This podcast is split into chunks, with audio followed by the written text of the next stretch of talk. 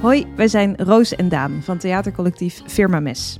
En wij kregen van Dialoog en Ethiek, een programma binnen de Rijksoverheid, de vraag om een podcast te maken waarin Rijksambtenaren vertellen over de ethische kant van hun vak. Mensen over wie het vaak gaat, maar die zelf niet vaak aan het woord komen. Wij gingen met die opdracht aan de slag en interviewden ambtenaren van verschillende ministeries. We kregen verhalen te horen die we niet helemaal verwachten. Persoonlijke, indringende verhalen die ons nieuwe inzichten gaven in hoe het er binnen ministeries aan toe kan gaan.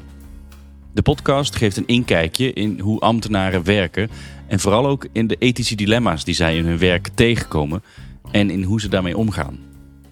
Hallo Hanna is vanaf nu te beluisteren. In de show notes vind je een link naar de podcast.